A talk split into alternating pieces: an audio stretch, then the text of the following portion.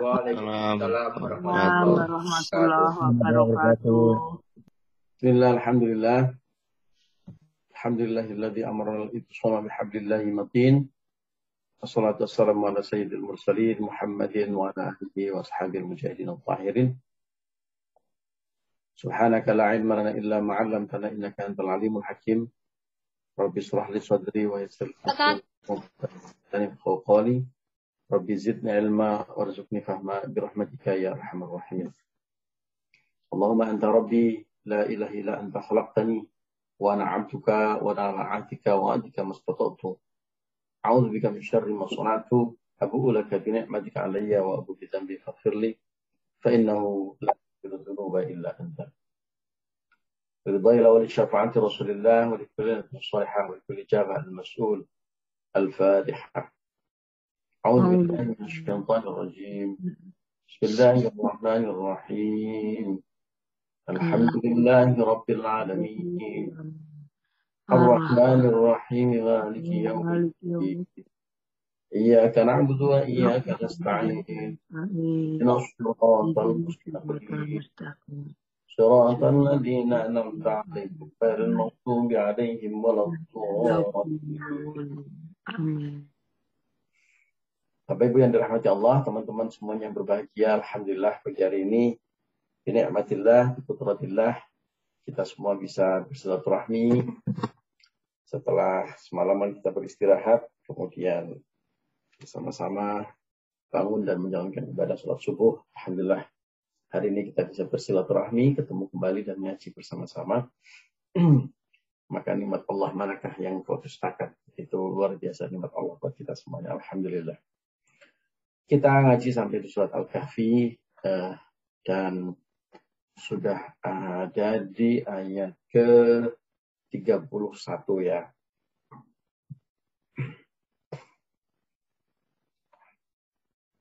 Ayat ke 31.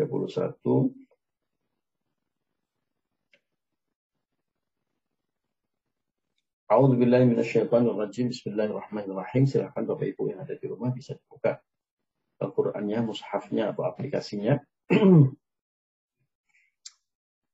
Ulaika lahum jannatu adnin tajri min tahtiyal anhar.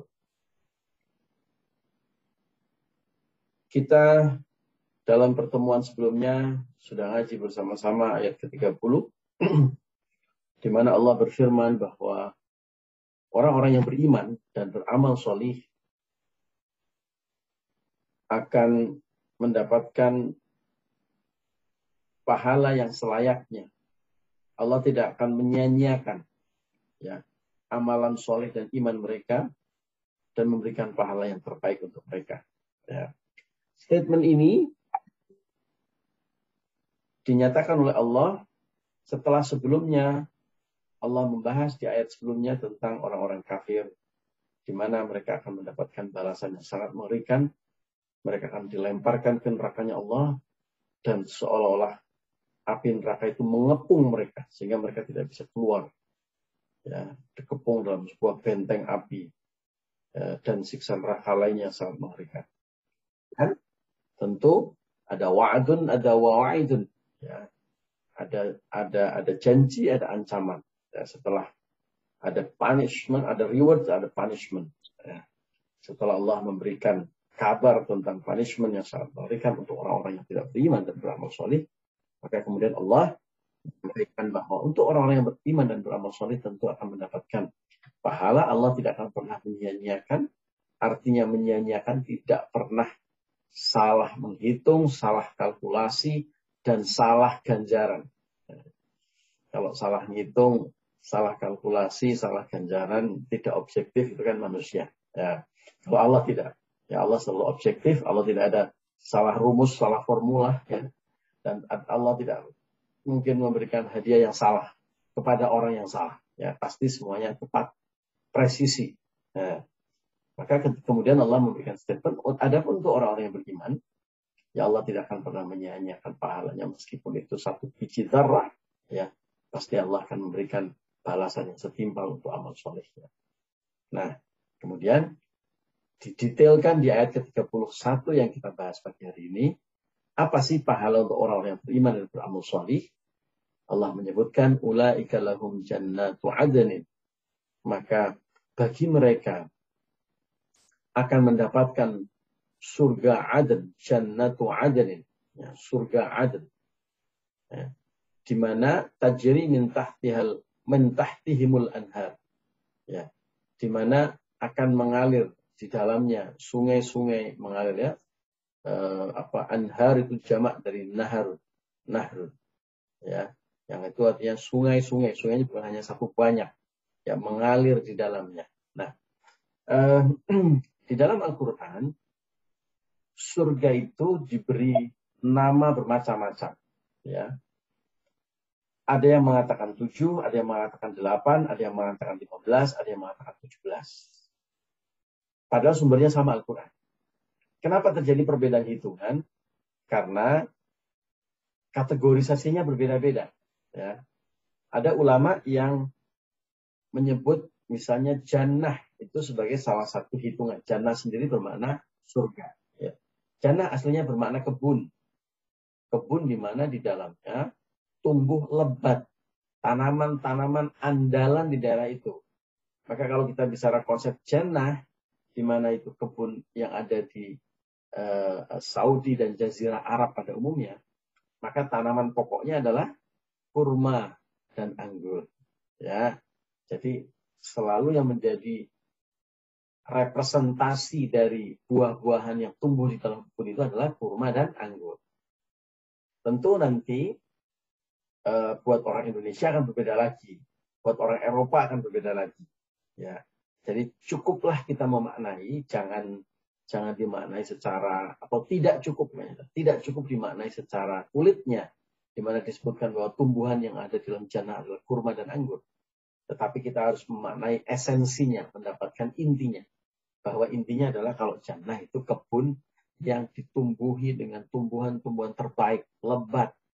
Bukan hanya tumbuhannya, tapi juga buahnya. Nah, gitu kira-kira. Ya, kalau buat orang orang Palembang mungkin jannahnya isinya bukan kurma sama anggur, tapi durian misalnya. Ya, lain lagi nanti buat orang Brebes ya Eh, tumbuhnya adalah bawang merah dan bawang putih harganya mahal. Dan lagi mungkin buat orang Riau, Jambi dan sekitarnya itu tumbuhnya adalah karet atau sawit misalnya, ya, yang memberikan hasil yang terbaik. Tapi intinya kebun tempat di mana eh, apa namanya kita mendapatkan penghasilan dan penghiburan. Nah, jadi kebun itu isinya bukan hanya tuh tanaman, tapi juga penghiburan. Ya, orang kalau di kebun pasti merasa nyaman, senang ya happy. Nah, itulah kebun. Makanya itu nama generik dari surga adalah jannah yang berarti kebun. Nah, kebun yang uh, dipenuhi dengan hal-hal yang membuat hati kita senang.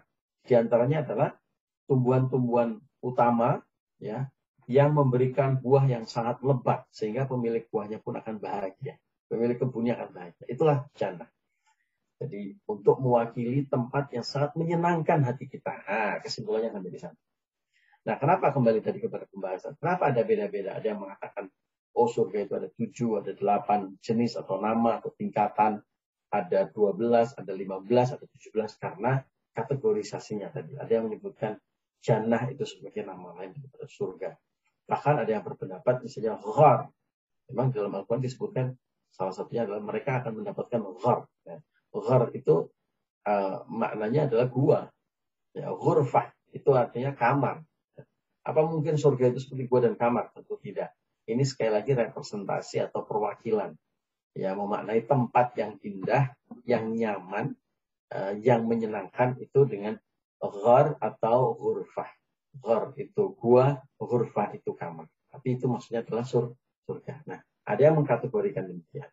Ada yang mengkategorikan Eh, kenapa beda-beda tadi yang disebut dengan surga yang memang yang memang Allah menyebutkan jannah.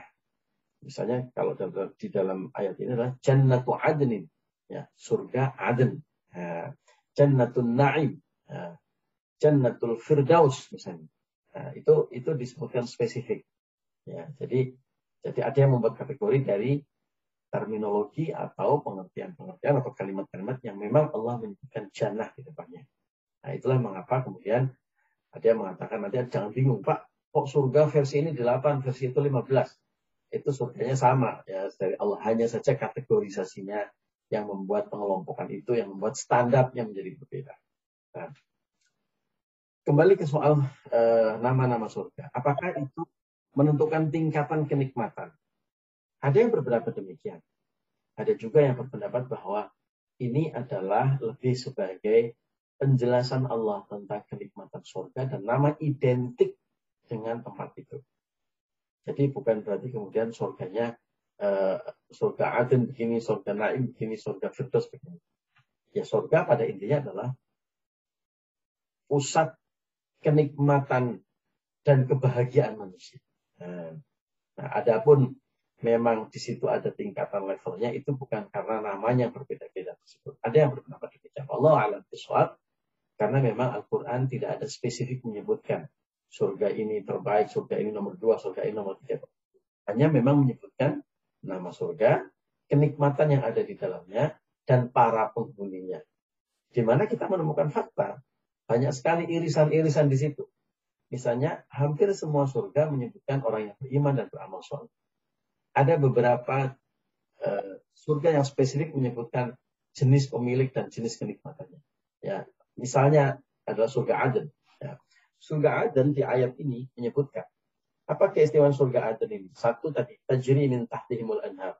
Ya, mengalir sungai-sungai yang di dalamnya. Tetapi tidak hanya di Aden, mengalir sungai yang di dalamnya. Di, di surga yang lain juga disebutkan.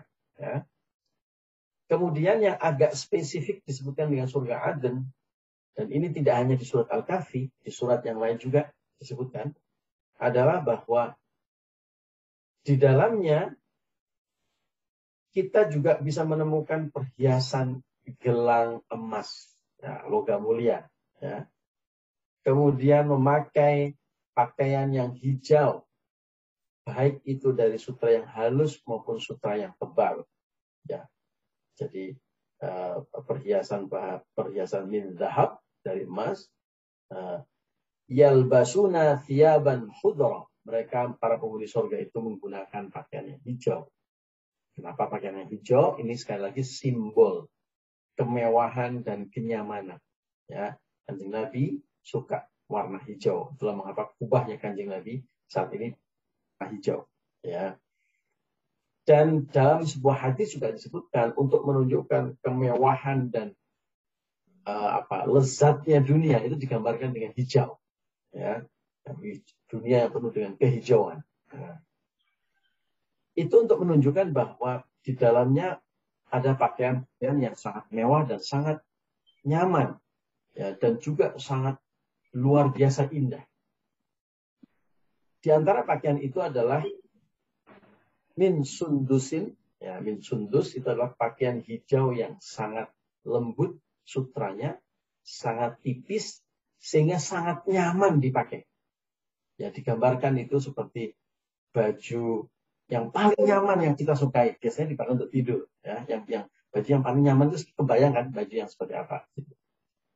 Tetapi bukan hanya itu di situ juga ada istabrak Ya, sundus itu adalah sutra yang tipis, istabra adalah sutra yang tebal. Karena di beberapa kesempatan, beberapa acara, kita perlu pakai baju-baju yang tebal, seperti sutra yang tebal ini. Intinya adalah di dalamnya ada pakaian yang sangat indah, yang sangat nyaman, yang cocok untuk kita pakai anytime, anywhere. Ada yang lembut, tipis, ada yang tebal, berwibawa. Kenikmatan ini ini khas disebut nempel dengan surga Aden. Meskipun kita tidak mengatakan bahwa atau tidak ada dalil yang mengatakan bahwa di surga yang lain tidak ada kenikmatan seperti itu. Nah, itulah mengapa sebagian ulama berpendapat sebenarnya ini tidak menunjukkan spesifik surga A punya fasilitas B, C, D. Seperti kalau kita pergi ke hotel misalnya, hotel bintang 5 fasilitasnya ini, hotel bintang 4 fasilitasnya ini. Tidak. Karena pada intinya adalah kenikmatan itu ada di semua surga. Tapi bahwa surga ada tahapannya, ada levelnya, iya, itu juga ditunjukkan dalam beberapa hadis Nabi. Ya, di mana disebutkan ada tingkatan orang-orang uh, solih, ya, orang-orang yang uh, uh, luar biasa dedikasinya kepada agama ini. Kemudian tentu adalah ting surga tingkatan para rasul, para ambia, dan para aulia atau para wali Allah. Nah, itu Itu disebut. Tapi sekali lagi ya eh, karena tidak spesifik menyebutkan nikmat ini di level ini, maka ini ini bisa saja ini untuk saling melengkapi, saling beririsan. Ya. Anyway, yang paling penting adalah bahwa kita sangat yakin, kita sangat beriman bahwa surga di dalamnya ada kenikmatan ultimate tertinggi yang tidak kita dapatkan di dunia sama sekali. Bahkan kita bayangkan pun tidak. Ya, sekali lagi, surga itu kenikmatannya dibayangkan saja nggak bisa. Saking dahsyat. Nah, itu itu saya kira kesimpulannya. Adapun Allah menyebut surga Aden, surga Naim, surga Firdaus dan sebagainya, itu dalam rangka menjelaskan kepada kita ya penjelasan-penjelasan identitas ya atau tipikal gambaran kenikmatan di sana. Tapi pegangannya tetap ma'ainun ra'at wala udunun sami'at. Tidak pernah dilihat oleh mata kenikmatannya, bahkan tidak pernah di, kita dengar lewat telinga kita. Dahsyatnya surga itu nggak bisa digambarkan dengan gambaran dunia. Ya, itu saya kira yang paling inti. Ya. Nah, di dalam ayat ini juga disebutkan kenikmatan-kenikmatan surga dan yang lain.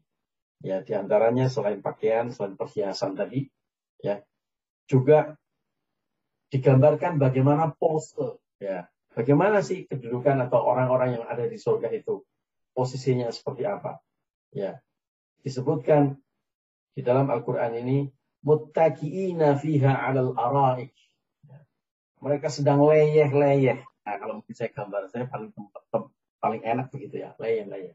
Karena aro aroik itu jamak dari arikah yang bermakna dipan, dipan atau tempat duduk yang sangat indah.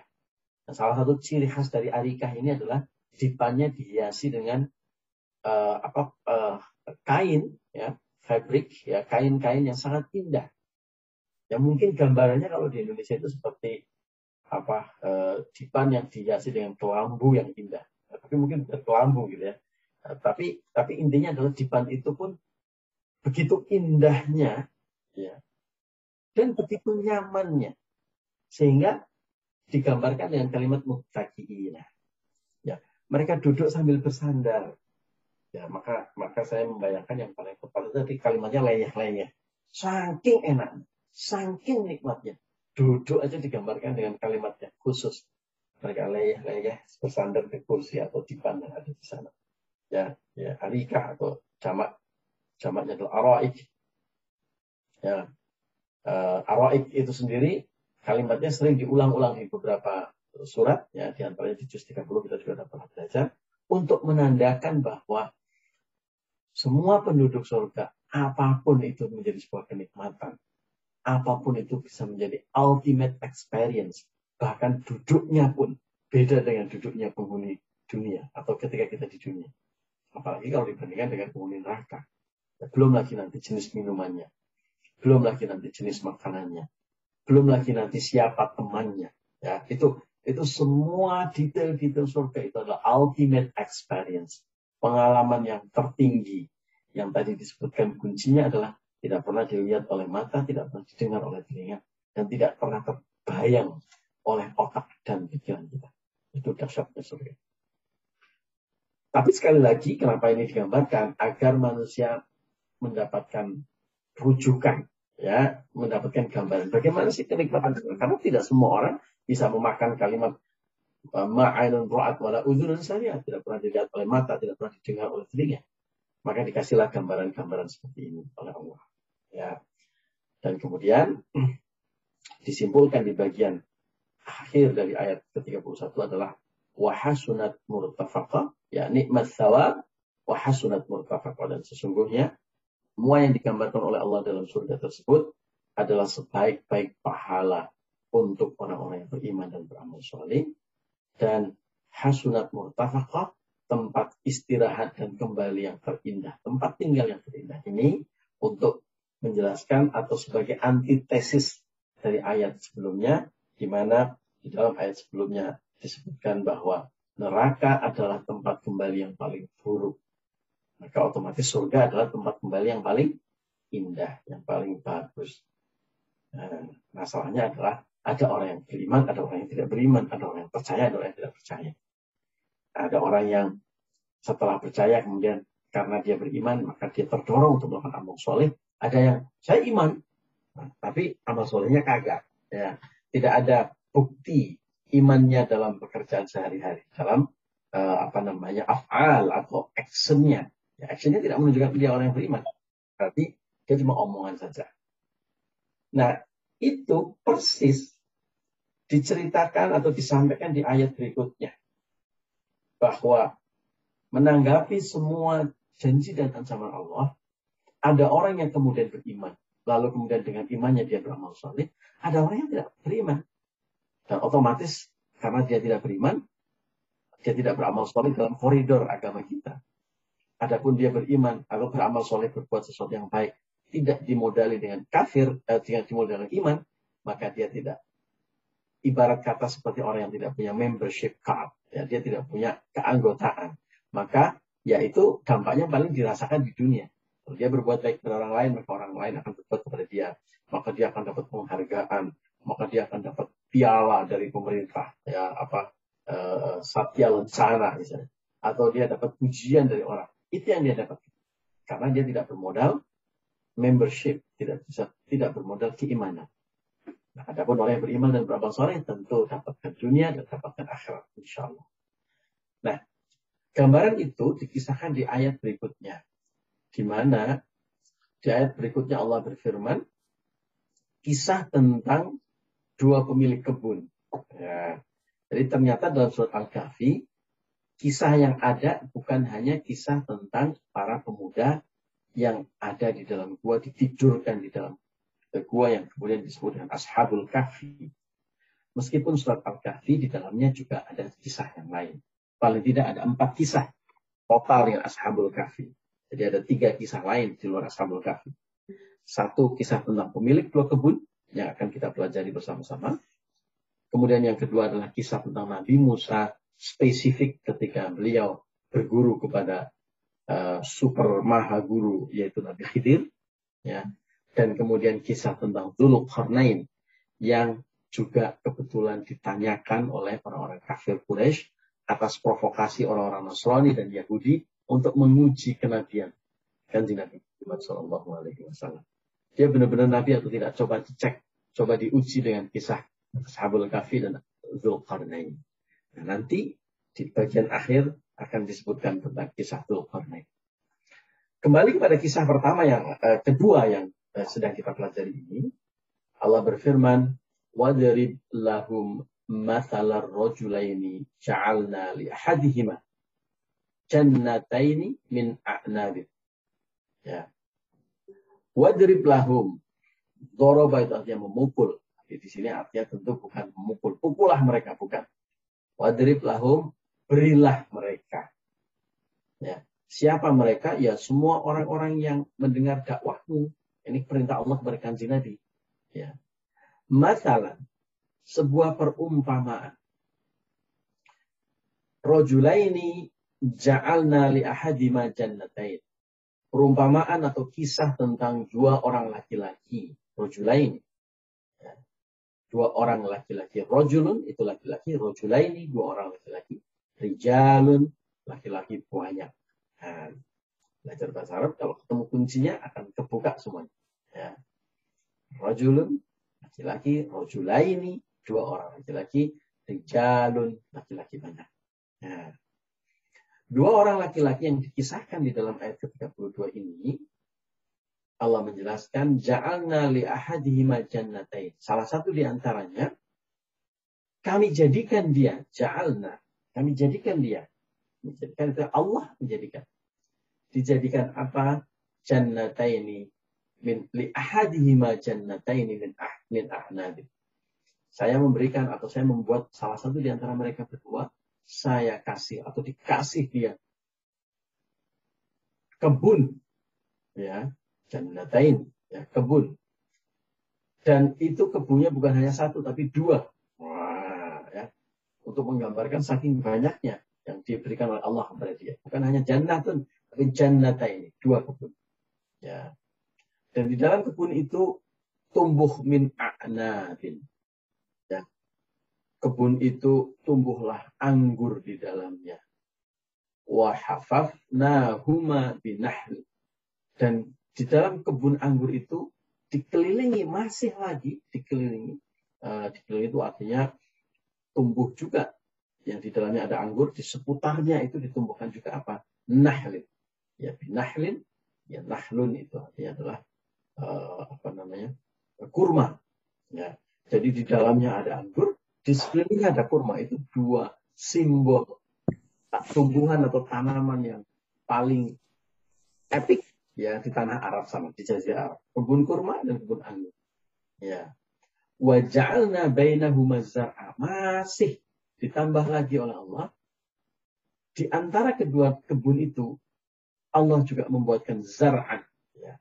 Zar'an itu ladang yang ditanami, mungkin kalau di Indonesia itu semacam tanaman musiman. Ya, jadi ini apa eh, apa kebun yang sangat efektif. Karena selain ada tanaman-tanaman keras seperti kurma, Ya, juga ada tanaman musiman, zar'an di mana orang bisa berladang bertani. Ya, mungkin di situ ditanamin cabai, terong, dan kawan-kawan. Gitu ya, Intinya adalah tidak ada yang tersia-siakan dari kebun itu. Kebun itu luas, besar, dan ditumbuhi tanaman-tanaman yang sangat hebat, luar biasa. Nah, itu Allah berikan itu perumpamaan ini. Ketika Allah bilang masal atau perumpamaan, para ulama sepakat bisa jadi ini kisah beneran terjadi yang terjadi entah kapan karena Allah tidak sebutkan waktunya kapan. Bisa jadi ini juga sebenarnya semacam perumpamaan saja. Ya tidak benar-benar terjadi tapi esensinya atau hikmahnya itu benar adanya. Ya, maka disebutlah masal. Ya, berikan kepada mereka masal. Ya. Dalam teori dakwah atau komunikasi, statement atau pernyataan Allah di sini itu sangat menarik. Kanjeng Nabi ketika mau berdakwah, gunakanlah metode masal atau perumpamaan-perumpamaan. Nah, kalau itu pesannya begitu. Ini relevan buat kita sampai hari ini. Kalau Anda para pendakwah, kalau Anda guru, kalau Anda seorang manajer, pelaku bisnis, kalau Anda seorang trainer, ketika Anda ingin menyampaikan pesan, ya berikanlah pesan itu dalam kemasan masal atau perumpamaan-perumpamaan kisah-kisah maka orang-orang akan mudah mencerna yang mendigest pesan yang anda sampaikan dan orang-orang juga akan nikmat ya menikmati asyik begitu jadi itu memang sudah bawaan manusia mulai dari anak kecil sampai orang dewasa. Oh diceritain pasti pasti senang. Eh ada cerita ada cerita. Oh pasti orang senang ya dibandingkan dengan ceramah langsung. Allah berfirman, udah nah, ada teman saya begitu. Pokoknya ngaji wis Rasulullah Shallallahu Alaihi Wasallam bersabda, aku berarti tondo mulai turu jadi. Itu berarti kata saya harus mulai tidur gitu. Teman saya bercanda gitu.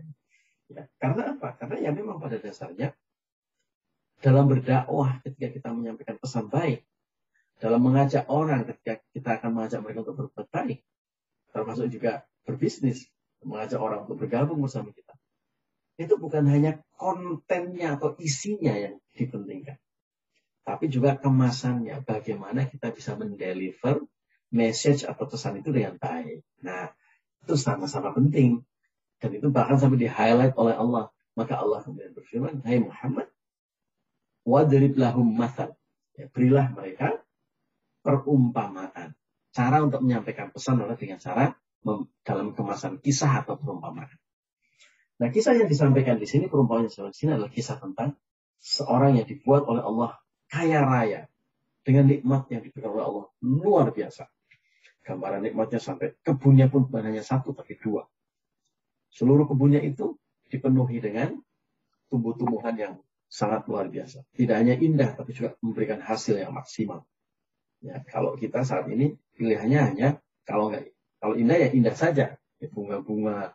Kalau mau kalau mau di, menghasilkan ya ya ditanaminya ya karet, ya sawit, ya padi, ya yang mungkin bukan kaitannya dengan perhiasan. Nah di sini bedanya adalah di surga bedanya adalah selain itu indah dipandang mata dan dinikmati oleh fisik badan kita juga memberikan hasil yang sangat biasa.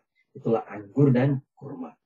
Masih ditambah lagi ada uh, kebun yang bisa dibuat tumpang sari, ya, tanaman intensifikasi pertanian. Ya. Ini untuk menggambarkan betapa banyak nikmat yang telah diberikan Allah kepada sang hamba ini. Ya barangkali kalau kita sekarang Allah Allah, Allah sudah memberikan kita pekerjaan yang baik, ya sudah pekerjaan yang baik, hasilnya juga luar sehingga bonusnya, insentifnya, kemudian nanti ada kenaikan gaji, kemudian nanti ada dikasih lagi uh, token appreciation, wah mungkin dikasih sepeda atau sepeda motor, ya atau mungkin hadiah ada elektronik yang lain, atau dikasih bonus atau insentif yang lain seperti misalnya insentif trip atau jalan-jalan ya. Masih lagi dikasih saham. Wah udah luar biasa ya. nikmat Allah yang diberikan secara luar biasa sampai bahkan ada kesan bertumpuk-tumpuk nah, ini pemilik dua kebun masih dijelaskan lagi oleh Allah di ayat 32 kiltal jannatain kedua jannah tersebut ya surga tersebut atat ukulaha walam tadrim minhu syai'an. Tumbuh di dalamnya buah-buah yang sangat berlimpah walam tadrim minhu syai'an bahkan tidak berkurang sedikit pun. Tidak ada kerusakannya sedikit pun. Tidak ada yang dimakan oleh hama orang. Tidak ada yang jatuh sebelum waktunya. Tidak ada yang kemudian ketika sudah keluar padi, eh, sudah keluar hasil panennya, harganya rusak. Tidak Walam tadlim minhu syai'at. Tidak ada sedikit pun cacat. Tidak ada sedikit pun kerusakan. Sempurna. Kebun yang sempurna, hasil yang sempurna. Masih ditambah lagi wa fajarna hilalahuma nahar. Ya. Di celah-celah kedua kebun itu Allah alirkan sungai yang sangat indah dan menghibur. Subhanallah, sangat luar biasa sekali gambaran surga. Ya masih dikasih sungai yang mengalir di kebun itu. Oh indahnya. Semua manusia pasti senang dengar suara gemericik angin, eh, air. Ya. Semua manusia pasti senang melihat air yang jernih. Apalagi airnya mengalir. Nah, buktinya apa? Coba Anda cek. Salah satu akun YouTube yang paling besar dan paling menghasilkan uang itu adalah akun YouTube yang nggak ada gambar orangnya, nggak ada gambar orang ganteng dan orang cantik, nggak ada sesuatu yang atraktif di dalamnya. Isinya hanya rekaman suara air. Suara air hujan direkam. Suara alam, burung-burung bernyanyi, suara rintik hujan, suara gemericik air di sungai. Direkam, itu dinikmati oleh jutaan orang. Ya, pertanda apa? Pertanda bahwa semua manusia itu pasti dengar, eh, senang dengar suara gemericik air. Makanya eh, apa di rumah-rumah dibuat pancuran-pancuran palsu. Ya. Biar terdengar suara gemericik eh, gitu ya. Atau di rumah ada akuarium atau kolam-kolam ikan. Pertanda apa? Manusia senang melihat air, ya air yang bersih, air yang mengalir, air yang damai. Itu semua sampai dihadirkan realitas palsunya di rumah-rumah kita. Ya, sebagai bukti apa? Sebagai bukti manusia itu senang dengan Eh, perhiasan-perhiasan alamiah seperti itu. Nah, ini bukan realitas palsu, tapi ini nyata. Kebun yang indah, yang berbuah lebat, bahkan di, di dalamnya, di antara dua kebun itu dialirkan uh, apa namanya sungai yang sangat indah. Itu sempurna ya, ya kenikmatan yang sempurna. Sayangnya,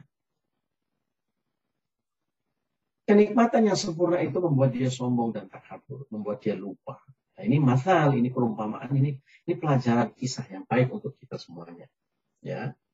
Sayangnya nikmat yang luar biasa, bonus, kenaikan pangkat, kenaikan jabatan, kenaikan gaji, prestasi, penjualan yang bagus semuanya. Itu membuat orang lupa dan banyak ini orang yang seperti ini. Ya, banyak orang yang seperti ini. Maka dijadikan perumpamaan ini masa. Ketika miskin, aduh sholatnya, puasanya, silaturahminya, ketika belum promosi, nah, ketika sudah naik pangkat lupa semua teman-teman. Ya, bahkan lupa masjid, alhamdulillah, alhamdulillah. Itu kan kisahnya Sa'labah, itu kan kisahnya Korun. Dan ternyata sampai hari ini masih banyak Sa'labah dan korun-korun modern. Dan banyak. Nggak usah nunjuk orang. Ya. Untuk belajar kita saja. Cukup kita tahu bahwa itu satu godaan syaitan yang sangat luar biasa. Ketika orang sukses, godaannya adalah kemudian lupa atau jauh dari Allah. Hati-hati. Ya, dan itu diawali dengan ujub, sombong, bangga, sum'ah, ria. Nah, itu itu penyakit hatinya dimulai dari situ. Nah, maka kemudian Allah menjelaskan ini masalah ini contohnya bagaimana. Orang yang sudah dikasih nikmat yang sangat luar biasa ini, ternyata dia sangat sombong. Ya. Dia padahal di ayat ke-34 disebutkan lebih detail lagi kenikmatannya itu dia memiliki kekayaan yang sangat luar biasa. Wa kana lahu samar. Ya, samar itu itu seperti buah, tapi sebenarnya bukan hanya buah, ini harta kekayaan yang menumpuk. Dia punya digelontorin harta yang sangat banyak. Sayangnya dia sombong. Fakala dia berkata, sahibihi kepada temannya. Ini kan ada dua orang yang diceritakan Allah di sini. Satu orang yang kaya raya pemilik dua kebun, satu orang temannya yang miskin. Orang yang kaya ini bicara sama temannya. Fakala li dia berkata kepada temannya ya wa huwa yuhawiru ya, dan dia bercakap-cakap ya ngobrolnya bukan hanya satu arah tapi ini ini saling saling ber, bersahut-sahutan ya ana aktsaru aku ya ana aktsaru minka lebih banyak darimu ya, memiliki lebih banyak darimu apa malan harta Jadi aku memiliki harta yang lebih banyak daripada kamu saya lebih kaya dari kamu kamunya begitulah aku, Aku lebih kaya daripada kamu. Wa azu nafar. Dan saya lebih banyak pengikut. Followerku lebih banyak. Kamu berapa followernya? Hmm.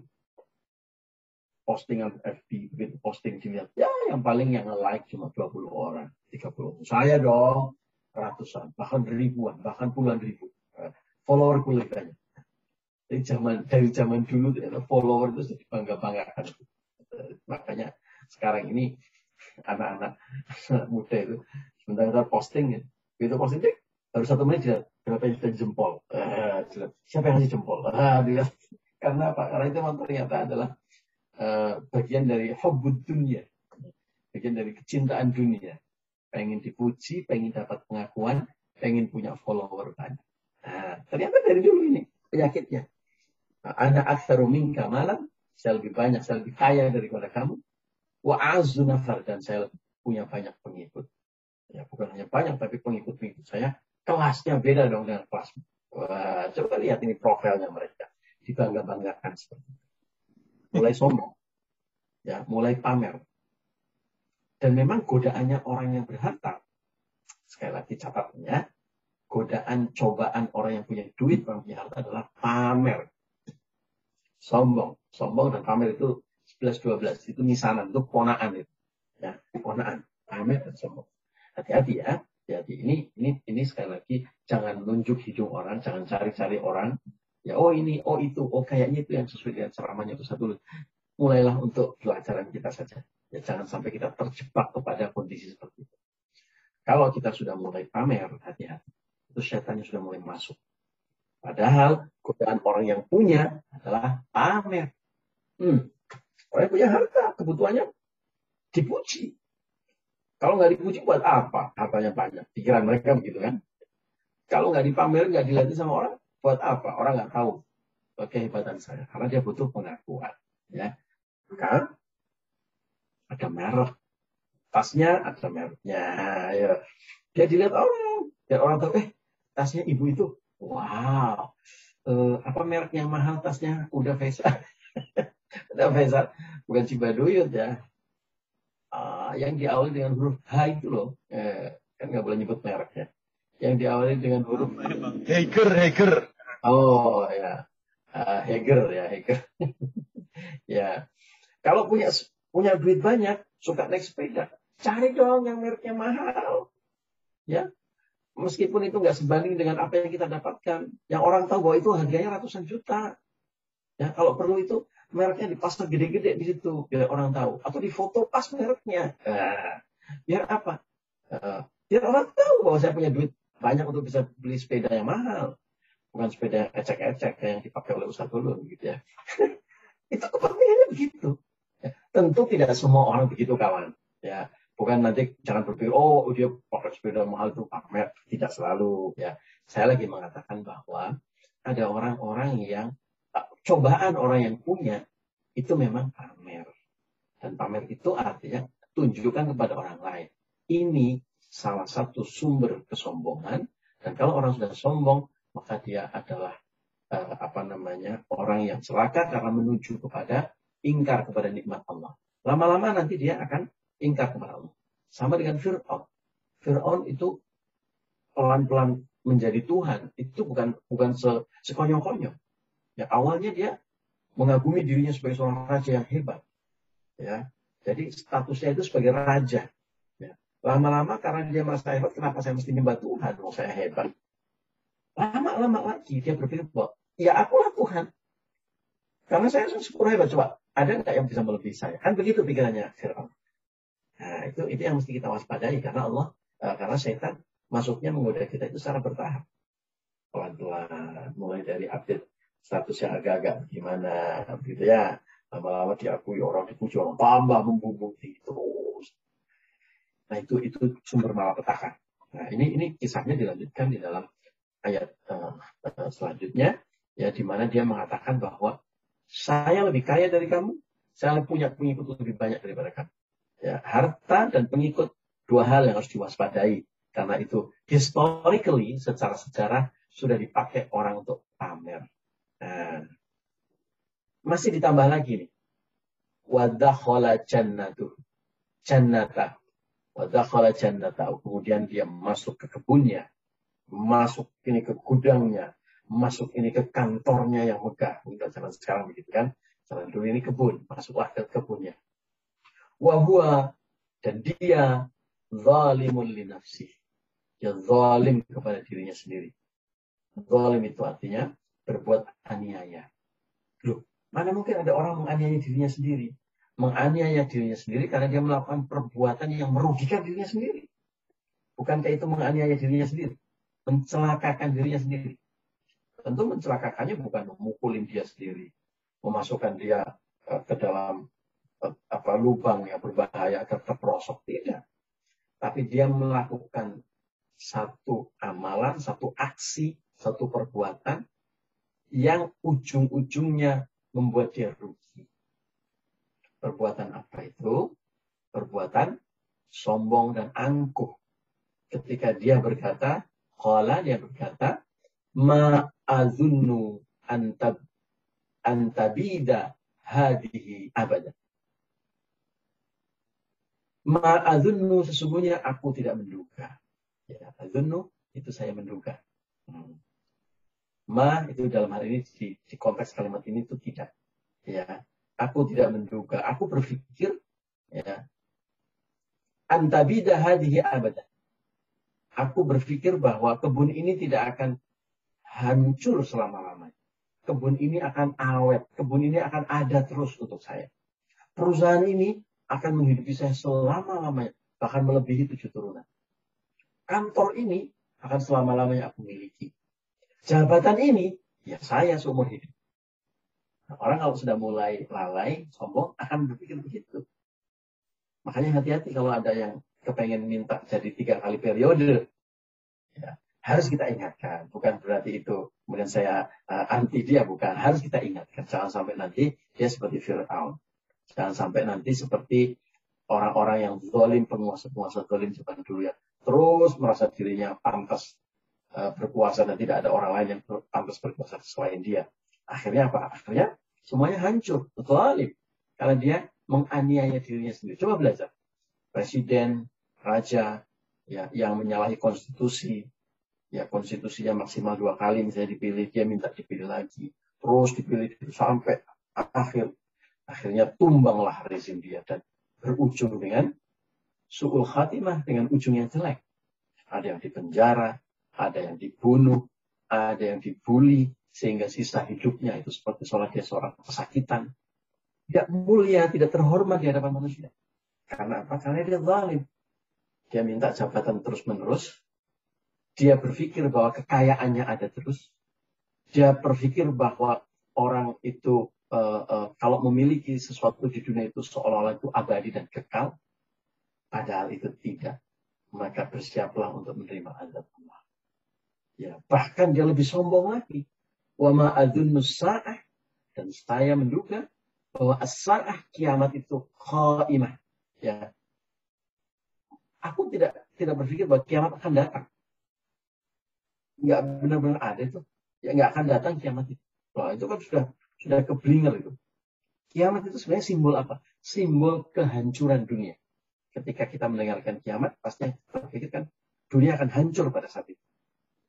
Dia tidak menerima, dia tidak berpikir, dia tidak menduga bahwa yang dia miliki itu akan hilang. Ya, padahal itu bahkan buat Allah pun fayakun. Nggak usah nunggu kiamat dalam waktu satu hari, dalam waktu satu, satu detik semuanya bisa hilang. Ya, tapi dia berlaku sombong karena dia digerujuk dengan nikmat itu kemudian dia lupa bahwa nikmat itu diberikan oleh Allah sehingga dia berpikir bahwa kiamat nggak akan datang. Oh semua yang saya miliki akan akan kekal evergreen, ya akan kekal semuanya. Ya, maka uh, ini adalah kecelakaan yang sangat masih ditambah lagi kesombongan dia. Wala in ruditu ila rabbi la ajidanna la ajidanna khairan minha munqalaba. Kiamat tidak akan datang. Tapi oke. Okay. Kalau nanti suatu saat itu kiamat datang. Atau saya dipanggil oleh Allah. Saya meninggal dunia. Maka pasti Allah akan memberiku tempat terbaik. Uh, sudah sombong, ya, sombongnya ini sudah memasuki wilayah spiritual. Sombong keimanan, sombong kesolehan, sombong spiritual. Karena menganggap dirinya adalah seorang manusia yang suci, manusia pilihan Tuhan. Ya, Sampai-sampai dia berpikir orang lain itu tidak ada yang sesoleh dia. Orang lain itu salah. Karena dia soleh, karena dia paling beriman. Maka orang lain itu di bawahnya dia. Dan dia yakin pasti nanti dia akan mendapatkan tempat yang terbaik, ya uh, apa uh, uh, tempat kembali yang terbaik, ya yaitu surga. Ya, ini kan orang keblok ya, orang sudah sombong, orang tidak mengakui Tuhan, dia percaya kepada Tuhan tapi tidak mau beramal soleh, ya, dan dia yakin bahwa Tuhan akan memberinya surga. Andai nanti pun nanti ada surga dan neraka kiamat, saya pasti akan mendapatkan tempat yang terbaik. Ini tentu tamparan keras, ini tentu peringatan keras buat orang-orang yang sombong, termasuk orang-orang yang sombong secara spiritual. Merasa dirinya paling soleh, merasa dirinya paling pintar. Sehingga orang lain salah, orang lain sesat, ya, orang lain rendah. Sehingga tidak harus dihormati di dunia, dan sebagainya. Nah, ini ini ini ini peringatan uh, warning buat kita semuanya. Ini sebuah kisah yang disampaikan oleh Allah. Tentu ini qat'ayyun subut, ini pasti kebenarannya. Uh, di mana ini peringatan buat kita agar jangan sampai kita terjebak ya di dalam kubangan orang-orang yang seperti katak dalam tempurung. Dia merasa dirinya kaya dia merasa dirinya hebat lalu kemudian dia menganggap Tuhan tidak ada kiamat tidak ada tapi pun seandainya nanti ada pasti saya masuk surga. Nah apa yang terjadi selanjutnya? Dijelaskan dalam ayat uh, ke-36 37 dan seterusnya cukup panjang dan hari ini waktu kita sudah habis sudah jam setengah tujuh insya Allah akan kita lanjutkan besok hari Jumat atau lusa di hari Jumat ini. Terima kasih untuk kebersamaan ngaji kita hari ini. Saya berpamit dengan teman-teman dari Facebook. Kita lanjutkan dengan sedikit diskusi dengan teman-teman yang ada di jalur Zoom. Allahul muwaffiq ila kanit wa'afu minkum. Assalamualaikum warahmatullahi wabarakatuh. Waalaikumsalam